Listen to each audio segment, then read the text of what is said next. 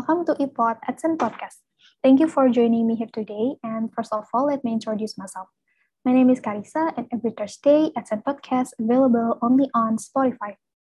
Halo, selamat datang Mas Aep. Terima kasih telah menyempatkan diri untuk hadir di sini bersama saya di episode ke-18 dari iPod AdSense Podcast. Dan sebelum kita mulai episode hari ini, Tentunya saya akan memperkenalkan dulu guest star kita di episode kali ini yaitu Mas Aib Syaifullah, seorang Head of Sales dari Binar Academy. Dan untuk lebih jelasnya nih, sekalian kita tanya-tanya kabarnya serta kesibukannya. Mungkin kita bisa tanya langsung ya ke Mas Aib kalau gitu. Halo Mas, apa kabar? Halo Mbak Karisa, ah, thank you banget nih Mbak udah bisa join juga nih ya di uh, AdSense uh, podcast juga nih, senang banget bisa nanti kita ngobrol-ngobrol juga kali ya Mbak Karisa.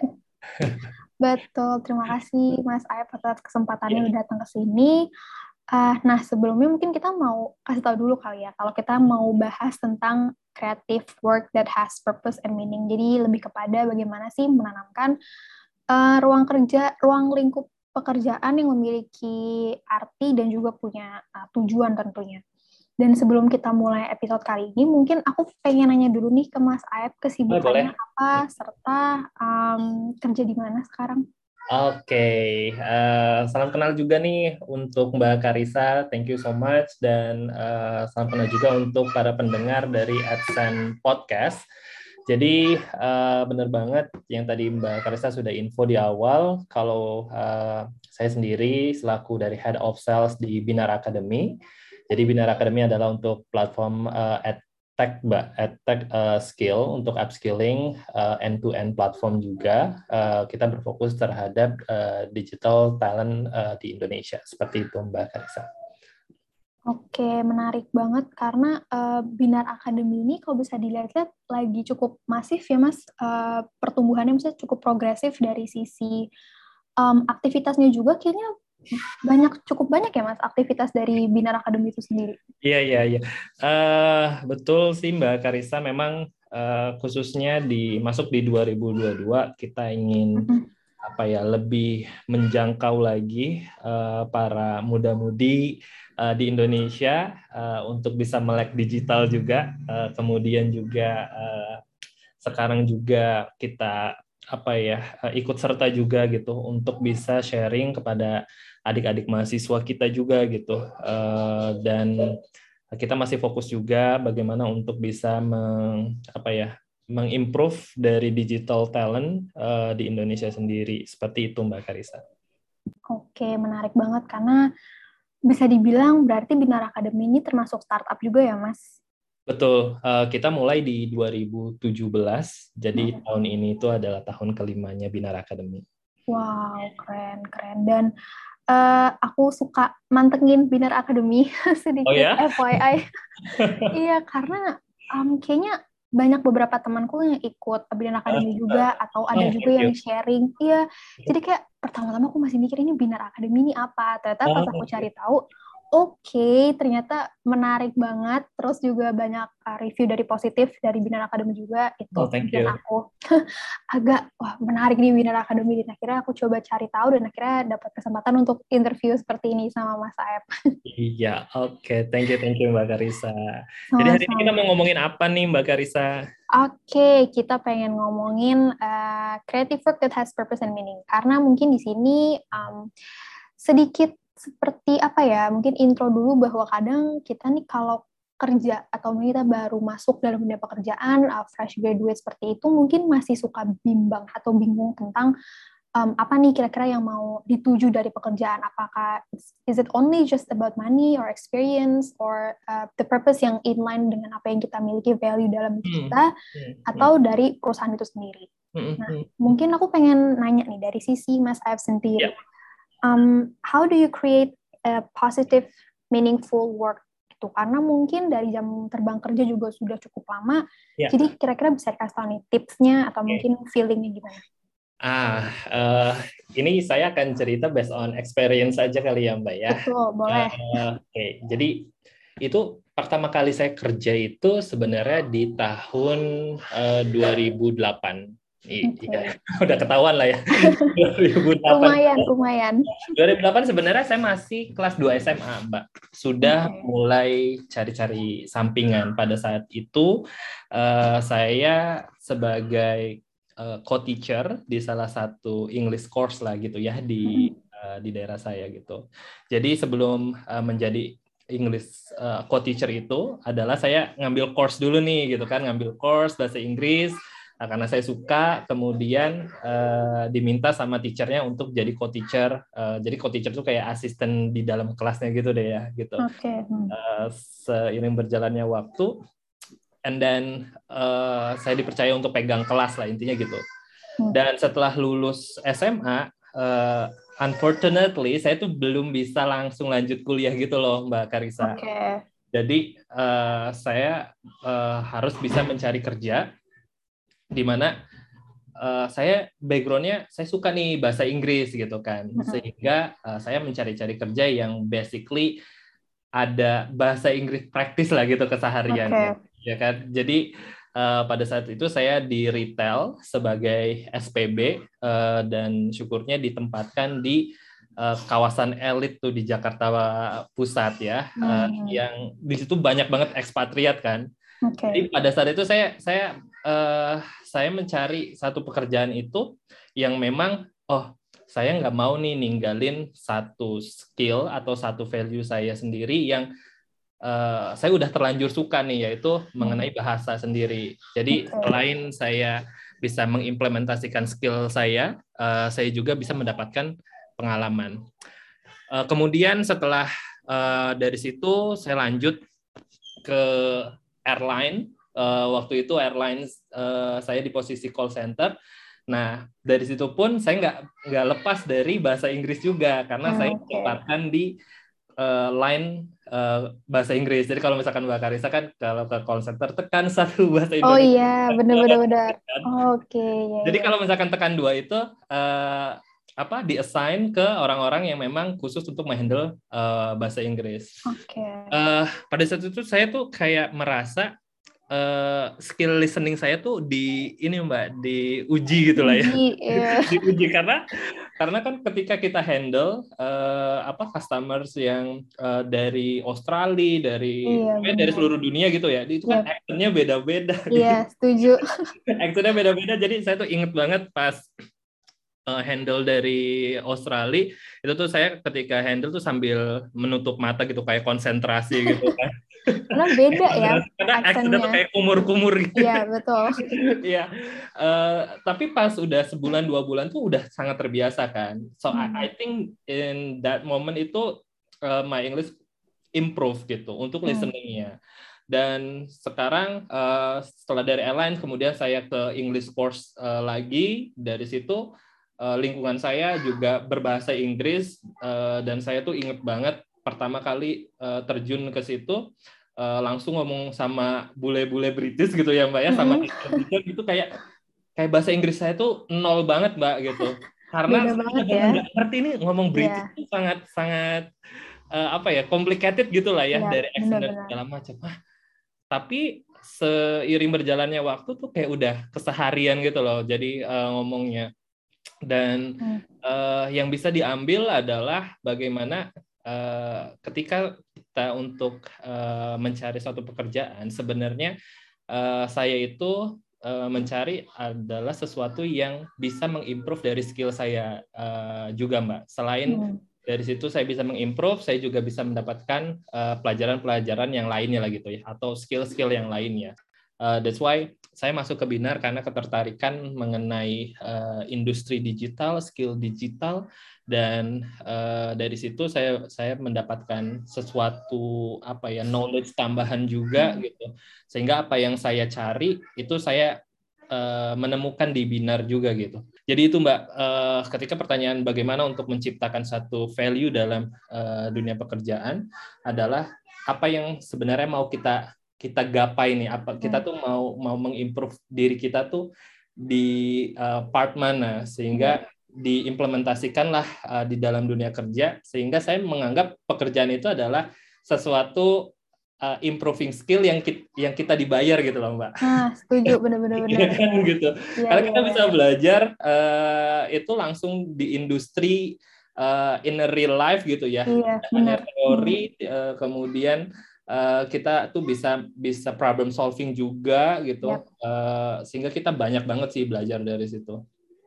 Karena mungkin uh, yang kadang orang nggak sadar uh, kadang masalah di kantor atau di tempat kita bekerja kan suka kompleks. Dan itu kadang tuh nggak ada buku manualnya gitu nggak ada manual buku terus kita harus ya kan? belajar. Iya benar betul, setuju betul. banget.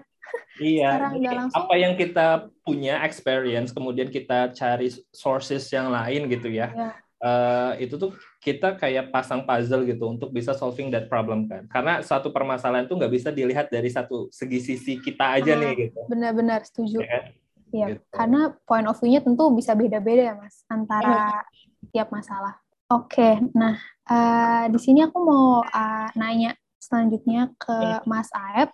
Ya. Mungkin aku pengen uh, nanya nih, berarti kalau misalnya dibilang dengan kita bekerja, dengan kita bisa uh, uh, bekerja untuk sesuatu hal yang mungkin ingin kita coba gapai, itu berarti bisa dibilang bahwa sebenarnya uh, dengan bekerja tuh kita mencoba improve sesuatu yang tadinya nggak kelihatan jadi kelihatan nggak sih mas?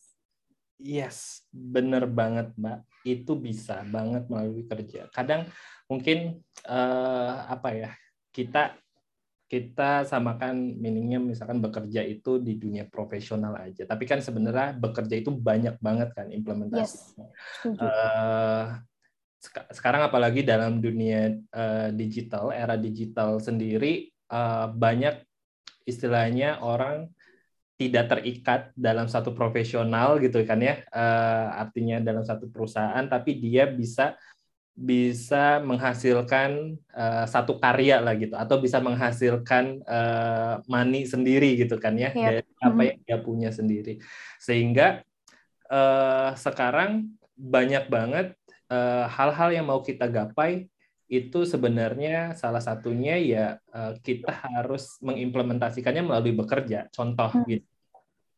Kalau misalkan saya mau uh, mempunyai skill dalam hal uh, web development gitu ya, yeah. uh, front end, back end gitu atau langsung ke full stack.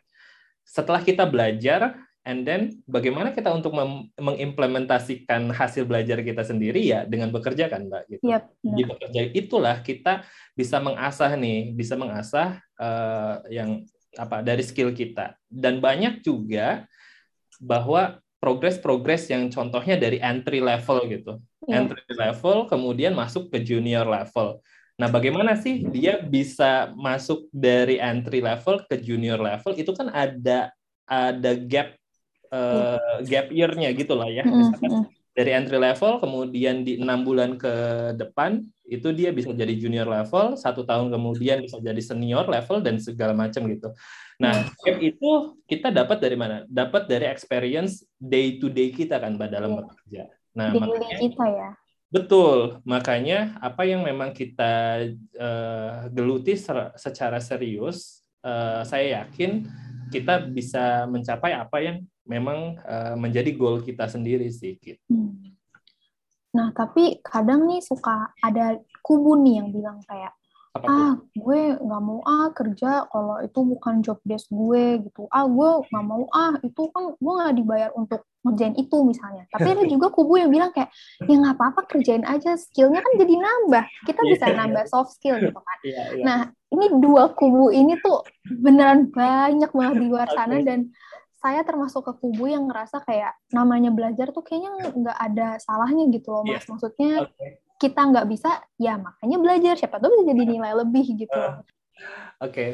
Mbak, ini uh, saya akan menjawab itu dari contoh saya sendiri lah ya, sebenarnya yeah. yang, yang saya. Gitu.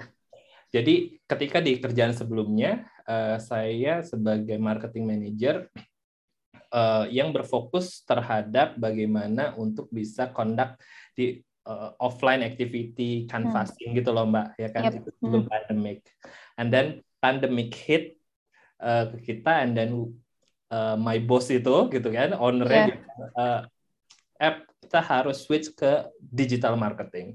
Hmm. And, and you know what? Uh, at the time itu I have nothing to uh, mengenai digital marketing. Iya, yeah, iya. Yeah. No idea ya. Gitu kan. Iya. Yeah. Uh, Oke, okay. Mau nggak mau ya sebenarnya saya udah mulai harus belajar tuh Mbak. Ini gimana yeah. cara bikin uh, iklan di Facebook, uh, yeah, SEM gitu kan. Uh, saya saya cari course yang relate juga, uh, kemudian saya baca-baca dan segala macam lah ya, trial hmm. trial and error. Dan se selama satu tahun itu saya menggeluti digital marketing, jadinya saya punya tuh mbak skill digital marketing sendiri gitu kan. Iya, saya punya sertifikat digital marketing sendiri dan uh, dari situ bahwa itu awalnya memang bukan pekerjaan saya sebenarnya, tapi saya akan mengambil itu sebagai sesuatu yang I think ini akan jadi value uh, saya tersendiri. Entah itu ketika memang uh, saya punya skill kemudian di, di apa dipakai sama uh, company jadi mm -hmm. company tetap tetap tetap pakai kita ya pada saat itu pada yeah. banyak banget layoff tuh mbak pasti yeah, kan betul. sangat selektif mana orang yang memang apa ya uh, produktif gitu ya uh, yang bisa kasih uh, sesuatu sama company supaya sustain tuh si company yeah. sendiri ya kan dan uh, itu yang bisa saya implikasikan uh, kepada skill saya sendiri setelah saya dapat memang setelah itu skill saya hilang. Kan enggak? Jadi hmm. jadi value saya kan sendiri iya, kan? betul. jadi kan? Jadi saya nggak pernah melihat bahwa ketika mendapat satu job desk yang baru uh, itu uh, dilihat sebagai kayak nambahin kerjaan. It's not my on my job description. Iya, tapi uh, dijadikan sebagai oh saya diminta untuk belajar sesuatu hal yang baru nih gitu. Kalaupun itu sudah kita pelajarin dan ilmunya sudah dapat kan untung buat kita juga kan sebenarnya. Iya. Jadi kan? batu loncatan juga ya Mas. Jadi batu loncatan tahu. juga gitu banyak banget sih uh, sesuatu yang memang uh, yang saya bilang uh, kesempatan itu tidak tidak hanya uh, datang tersendiri tapi kita melihat bagaimana peluang itu mau kita ambil atau enggak. Itu sih Mbak. Uh, jadi my perspective itu adalah kalau ada kesempatan kita kita ambil gitu. Kita uh, akan dipaksa untuk bisa belajar sesuatu hal yang baru juga. Bener. Siapa tuh nggak dapet dua kali ya mas kesempatan. Bener, bener. Iya. Hilang aja gitu. Iya. Jadi kayak ini mbak, saya pengalaman juga uh, di binar itu. uh, saya backgroundnya dari dari sales gitu ya, dan iya. kemudian diminta untuk bisa handle customer experience juga dan hmm. I have nothing juga tuh experience yeah. mengenai customer experience gitu cara cara handle gimana cara untuk bisa bikin script gimana dan pada saat itu bos saya minta untuk buatin customer experience saya belajar kan saya join ke apa uh, Slack community hmm, yep. CX di dunia gitu mbak yeah, uh, yeah. saya saya pelajari dari artikel-artikel CX saya pelajari dari uh, bagaimana si XCX company besar itu menghandle dari mulai greeting, dari mulai closing dan segala macam. Dan sekarang running tuh, alhamdulillah untuk si X-nya. Dan setelah udah udah satu, satu gitu ya, saya hmm. tinggal cari orang untuk nerusin gitu. Iya bener, bisa diteruskan ya ilmunya. Iya iya iya. Oke, menarik banget uh, pembahasan kita ini baru opening padahal tadi menarik banget. Oke, nah ini ada state um, ada statement yang disampaikan di salah hmm. satu hasil report. Uh, dia bilang bahwa work can only be really meaningful if it's part of your life purpose and your life's purpose will most likely be aligned with your values. Nah, mungkin kita sekarang ngomongin values kali ya, nilai dari setiap orang ataupun company. Yeah. Kadang kita punya values, tapi kadang company juga punya values. Kadang kadang values kita nggak ketemu nih sama punya uh, perusahaan. Ada nggak sih mas sebenarnya cara buat kita bisa apa ya setidaknya value kita sama perusahaan ini nggak perlu sama, tapi yeah. bisa ketemu di satu titik yang kayak oke okay, uh, sama nih perspektif gue sama perspektif yeah. kantor gitu. Ya. Yeah.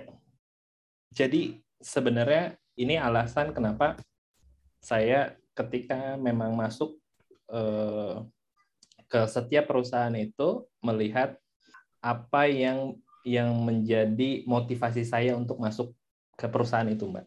Jadi kita harus punya motivasi uh, terlebih dahulu nih, gitu. Hmm. Nah, setelah kita uh, mempunyai motivasi, uh, kemudian muncullah dari diri kita itu mengenai ownership. Okay. Ownership terhadap apa yang akan kita kerjakan. Nah, kalau kalau ownershipnya sudah ada, uh, maka kita akan uh, memikirkan untuk bisa mengcreate apa yang kita suka, apa yang kita kerjakan itu terlihat worth it. Hmm. Contoh gini, kalau saya melihat bahwa dari tim tim sales nih misalkan dari tim sales ini uh, harus tercapai nih gitu kan misalkan ya targetnya harus tercapai gitu. Values-nya uh, adalah gimana kita untuk buat kolaboratif tim gitu. Atau misalkan dari uh, teman-teman teman-teman uh, tim sales itu melihat memang ya apakah kolaboratif ini selalu bisa diaplikasikan. Contoh misalkan gitu ya. Yep. Tapi ketika sudah ada ownership sendiri, kita melihat satu uh, goal, satu target itu harus bisa dicapai kan. Gimana caranya? Ya kita tarik uh, dari tim dari tim marketing, dari yeah. tim uh, eh, PM dan segala macam untuk bisa mencapai sama-sama eh kita duduk bareng nih. Nah, hmm. itu bisa kita kayak ngajak duduk bareng itu kan harus ada inisiatif uh, tersendiri kan. Kenapa, bagaimana bisa muncul inisiatif uh, sendiri itu adalah dengan uh, rasa ownership sendiri. Jadi kalau ada uh, ada ownership uh, dari kita sendiri, walaupun ada value dari perusahaan itu yang yang menurut kita tuh nggak sesuai dengan value kita, kita akan putar otak tuh mbak supaya make it work ya. Make it work, hmm. Uh, jadi penting banget adalah motivasi uh, motivasi diri sendiri ya uh, dalam bekerja dan kedua adalah uh, ownership apa yang kita kerjakan sehingga kita tuh pengennya perform gitu ya pengennya yeah. yeah. sesuatu kita yang yang kita kerjakan itu memang mempunyai value tersendiri. Yeah. Nah berarti apa bisa dikatakan bahwa um, punya rasa sense of belonging itu perlu gitu mas?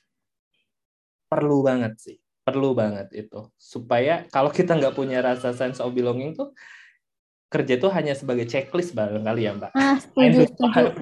Benar benar benar. Yang penting beres gitu. Yang penting beres gitu ya. Iya iya benar benar. Uh, gitu. Oke, okay, karena jadi kita nggak ada filter tuh. Misalkan atasan yeah. ngomong A, kita udah kerjakan atasan ngomong A, tapi hasilnya baik atau buruk ya kita, saya udah kerjain gitu. Iya. Tapi kalau kita udah punya sense of belonging, kita kritisi juga gitu. Apakah yeah. dari ideation itu uh, work atau tidak, atau misalkan apa yang kita lakukan itu sudah berhasil atau tidak, mana yang perlu diimprove dan segala macam gitu. Iya.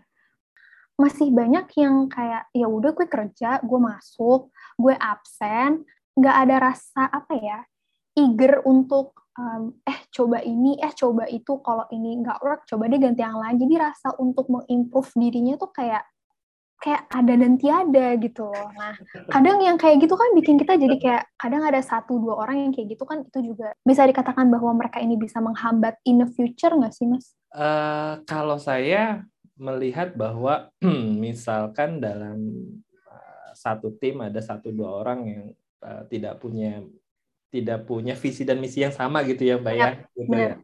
Uh, itu uh, baiknya gini, kalau misalkan kita posisinya sebagai uh, leader, maka hmm. kita harus harus peka tuh, harus punya radar terhadap masing-masing tim yang uh, sekiranya tidak se, tidak apa ya uh, tidak punya visi dan misi yang sama nih, tidak punya motivasi hmm. yang sama gitu kan. Yep. Jadi harus diajak duduk bareng. Apakah mungkin uh, punya punya apa uh, punya permasalahan di rumah dan segala macam yeah. karena uh, again ya kadang kita kita tuh melihat sesuatu tim yang performance-nya kurang itu bisa jadi faktornya tuh datang kadang dari luar gitu. Iya, jadi eksternal ya. Eksternal. Uh, hmm. Jadi kita sebagai leader juga harus bisa mengcapture, uh, mempunyai radar uh, mana tim yang tim kita tuh yang belum bisa jalan bareng-bareng gitu. Hmm.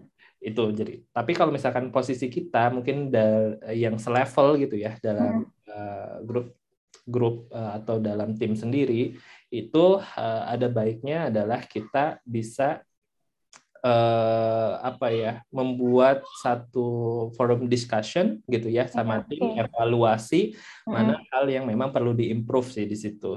Jadi secara tidak langsung uh, yang memang uh, motivasinya kurang itu akan terlihat nih. Kalau misalkan yeah. kita punya lima job description dan lima goal uh, dan kemudian kita evaluasi duduk bareng-bareng uh, sehingga mana nih uh, mungkin uh, A sampai C itu performnya oke okay, tapi D sama E itu yang uh, kurang gitu. Nah mungkin D sama E ini ketika kita duduk uh, bareng-bareng sendiri itu akan terlihat di mana letak uh, tidak on tracknya dari performance itu dan kita bisa cari solusinya bareng-bareng juga. Gitu sih Mbak mungkin. Karena kalau misalnya dengan kita punya visi dan misi yang sama tuh sebenarnya jadi ngerasa kayak um, beban yang dipikul tuh jadi punya sama-sama gitu. Ya, jadi betul, kayak betul. Ya. Karena kayaknya penting gak sih Mas untuk kita bisa ngerasa kayak uh, ini kita kerja bareng-bareng, kita punya tujuan yang sama, kita punya goals yang sama. So as a team uh, sangat dibutuhkan kerjasamanya ya kalau gitu. Iya, karena uh, untuk mencapai satu project atau project aja ya gitu tuh yeah. hmm. bukan cuma satu divisi kan, tapi yeah, banyak bener. banget untuk yeah. kita launching produk aja tuh ada tim akademik, tim marketing, tim sales, tim uh, growth juga, belum lagi community dan segala macam tuh harus harus align semua tuh tim produk. Semuanya berhubungan ya? Iya semuanya berhubungan. Jadi ada satu yang memang sekiranya uh, belum on track tuh memang jadi uh, jadi berimpact gitu, sehingga yeah, penting banget untuk uh, teamworknya. Oke, nah tadi sempat disinggung soal ngomongin um, leader dalam suatu uh, divisi atau dalam suatu perusahaan.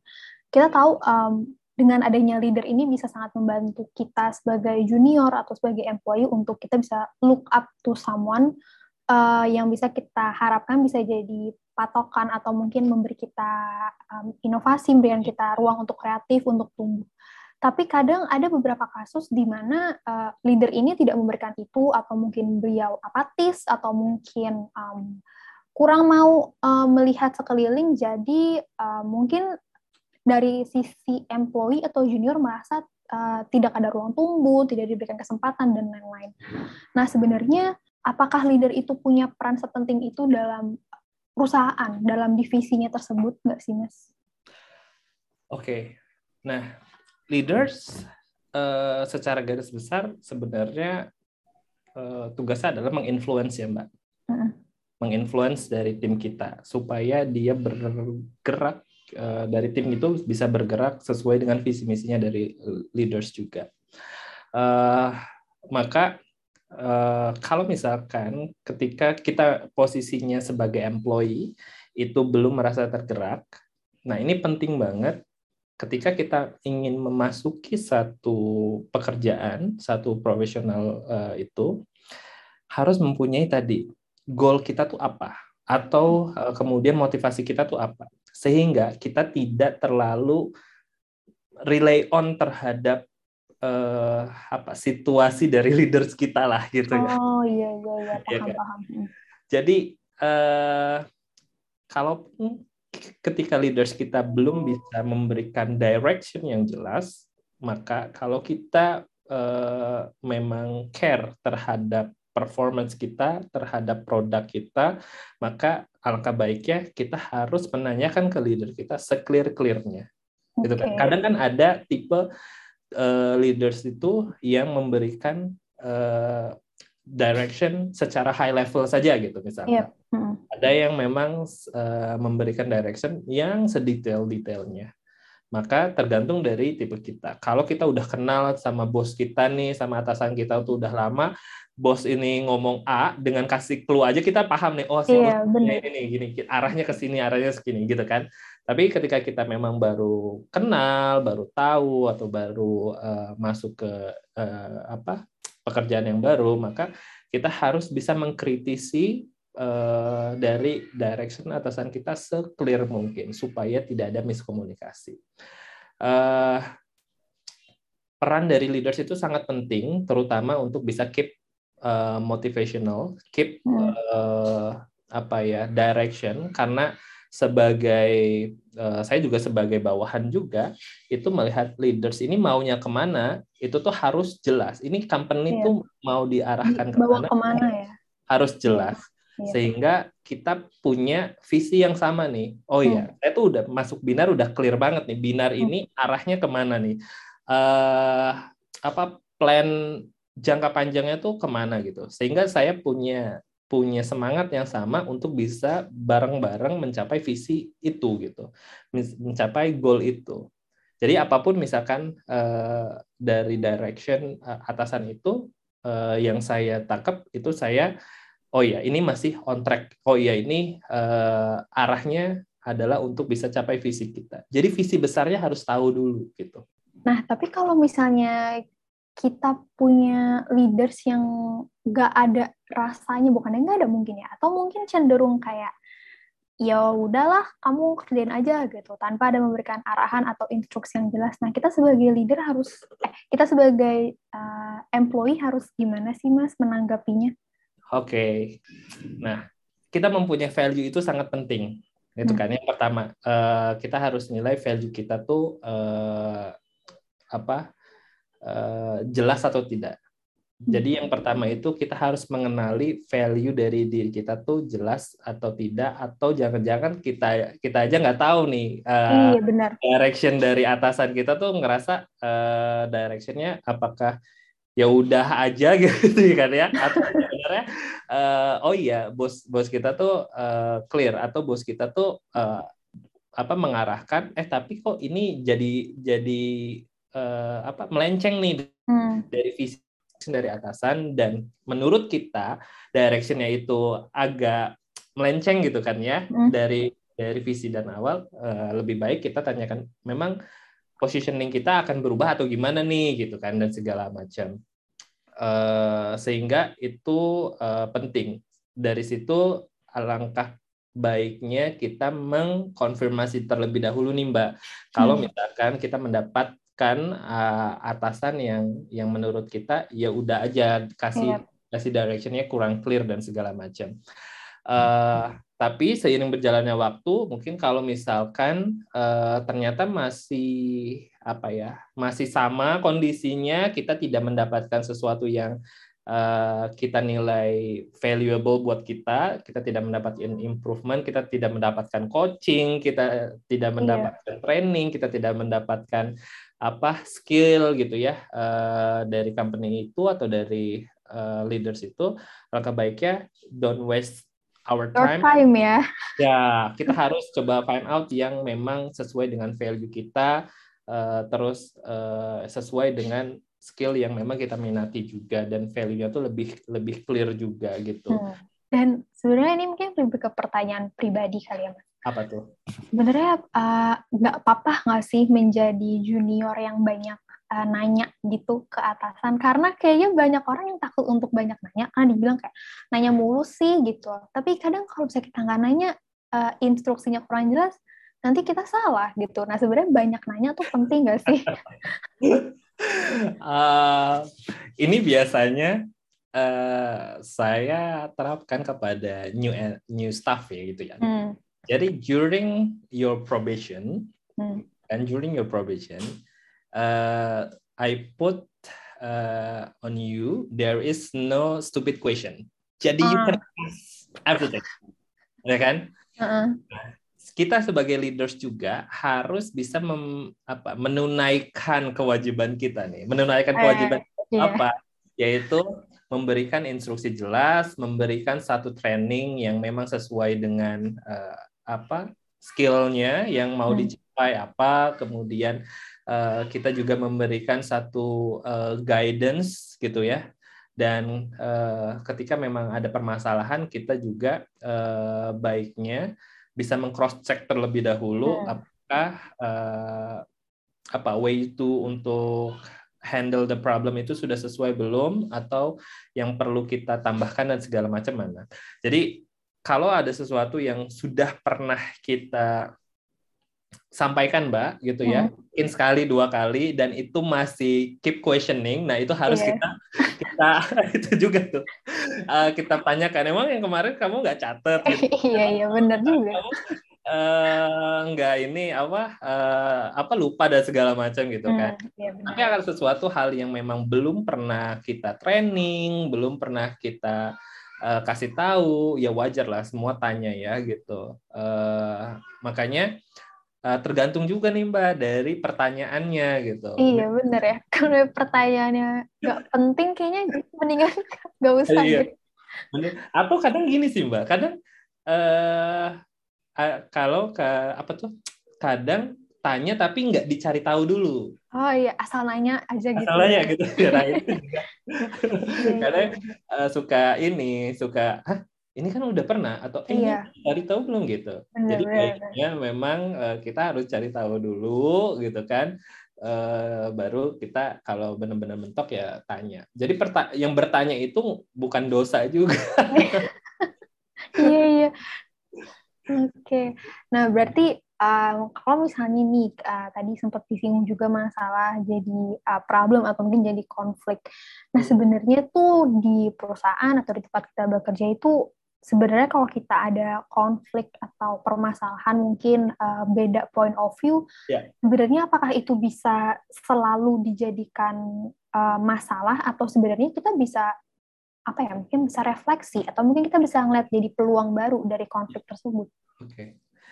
nah uh, saya ngelihat ketika ada konflik itu bisa jadi menjadi satu benefit juga ya gitu. Hmm. Kenapa benefit gini? uh, adanya konflik adalah dengan adanya dua pers perspektif yang berbeda ya Mbak yep. dari uh, dari dua divisi atau lebih lah intinya gitu. Kenapa ada dua perspektif? Karena masing-masing divisi itu uh, dia care terhadap uh, apa yang menjadi value di divisi itu sendiri nih. Contoh yeah. ya misalkan konflik yang paling sering uh, sales, marketing sama finance. Aduh, nggak kelar-kelar.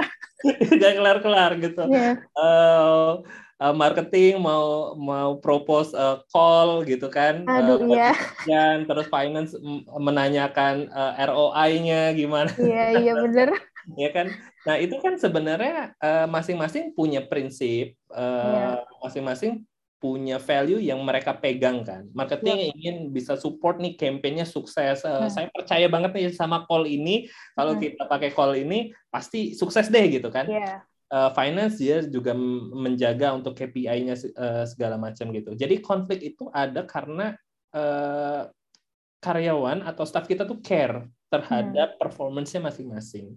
Sehingga di sini penting lah seorang atasan itu bijak untuk bisa cari mana yang memang dijadikan sebagai sebagai value ke perusahaan juga nih mana yang akan lebih lebih condong gitulah ya hmm, gitu iya. terkadang uh, atasan perlu mengambil sikap juga ketika ada konflik hmm. dan setelah ada konflik itu pasti akan menimbulkan satu sistem yang lebih rapih mbak gitu eh marketing kamu kalau propose jangan mendadak ya harus terplanning oh, iya. jauh-jauh hari gitu eh finance kalau misalkan ada sesuatu hal yang sekiranya ini uh, apa uh, di luar dari hmm. budget dan segala macam kamu double check dulu aja ya ke atasan dan segala macam jadi uh, terciptalah untuk kayak uh, sistem baru yang lebih baik di perusahaan atau guidance yang lebih rapi atau uh, bisa jadi perspektif dan evaluasinya lebih lebih apa ya lebih baik untuk ke depannya gitu.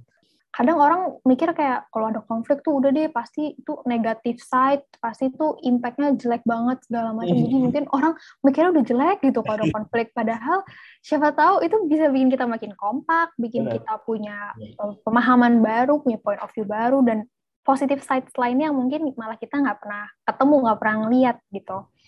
Dan uh, mungkin di sini aku mau nanya uh, ke Mas Aep sendiri gitu. Hmm. Mungkin kita balik lagi ke yang leader tadi.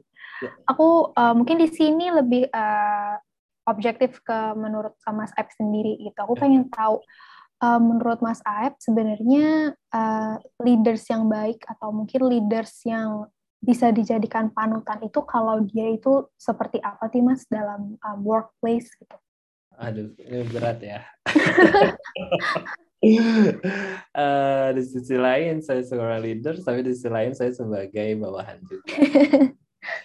uh, ya leaders yang menurut saya baik itu adalah yang memang mempunyai empati and kindness. Aduh. And kindness. Terkadang kita tuh melihat apa ya dari sekelumit kerjaan kita gitu ya. Dan uh, especially on Monday uh, saya sering gitu uh, tanya uh, how was your weekend gitu yeah. gimana jalannya gitu dan segala hmm. macam because we're dealing with the human kan so yeah. uh, empatik itu uh, penting menurut saya gitu uh, hidup kita itu kan bukan hanya kerjaan kan gitu yeah. tapi uh, di luar dari kerjaan itu bisa berimpact terhadap kerjaan dan kerjaan itu bisa berimpact terhadap hidup kita.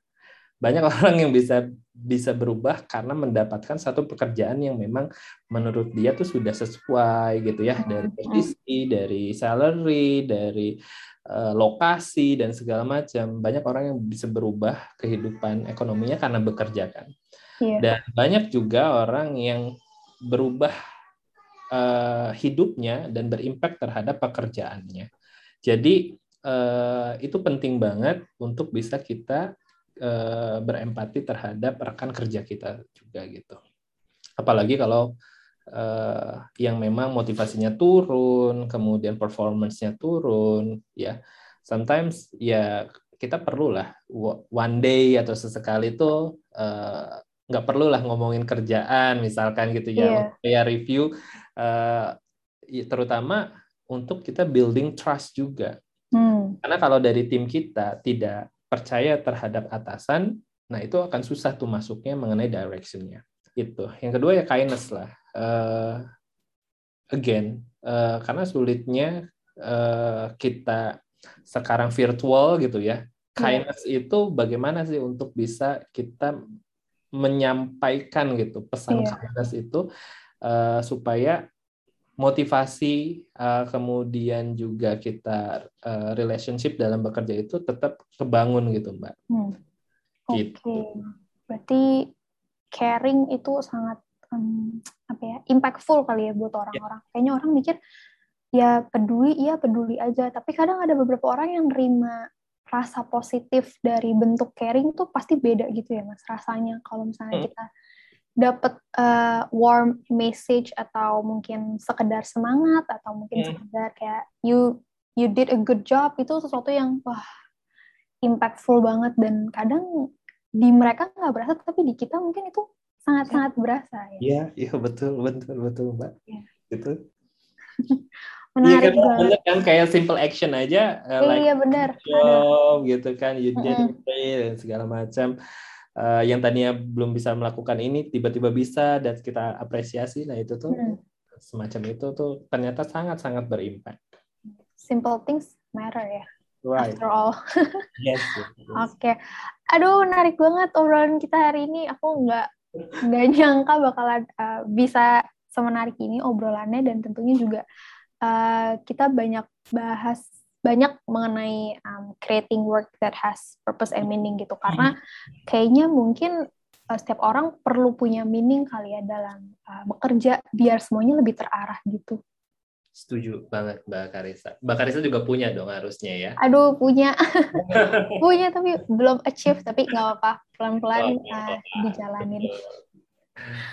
Oke, okay, mungkin ini pertanyaan terakhir uh, dari podcast kita ngebahas uh, hari ini, mungkin di sini aku lebih pengen nanya dari sisi Mas Aep sendiri, uh, Binar Academy ini nextnya mau gimana sih Mas untuk dari segi bisnisnya? Oke, okay. Binar Academy uh, sebenarnya secara bisnis kita masih tetap fokus nih Mbak untuk terhadap value kita gitu. Hmm. Yang pertama dari pilar kita adalah untuk employability, learning experience gitu ya sama accessibility. Ternyata masih banyak banget nih yang mau kita capai gitu ya hmm. mengenai employability. Uh, kita mau uh, apa membantu uh, sebanyak-banyaknya orang yang ingin mempunyai digital skill untuk bisa mendapatkan uh, kehidupan yang lebih baik gitu ya uh, dibantu okay. dengan digital skill.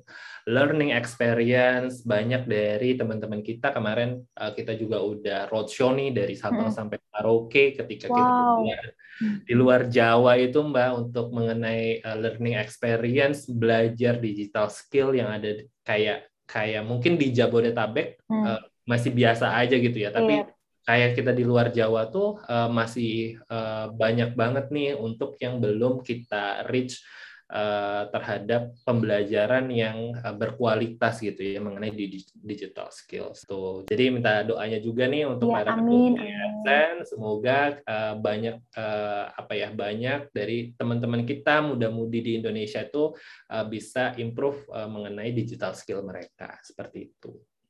Oke, baik. Terima kasih banyak Mas Aep atas Terima kasih Mbak Karisa. Iya, kesempatannya hari ini.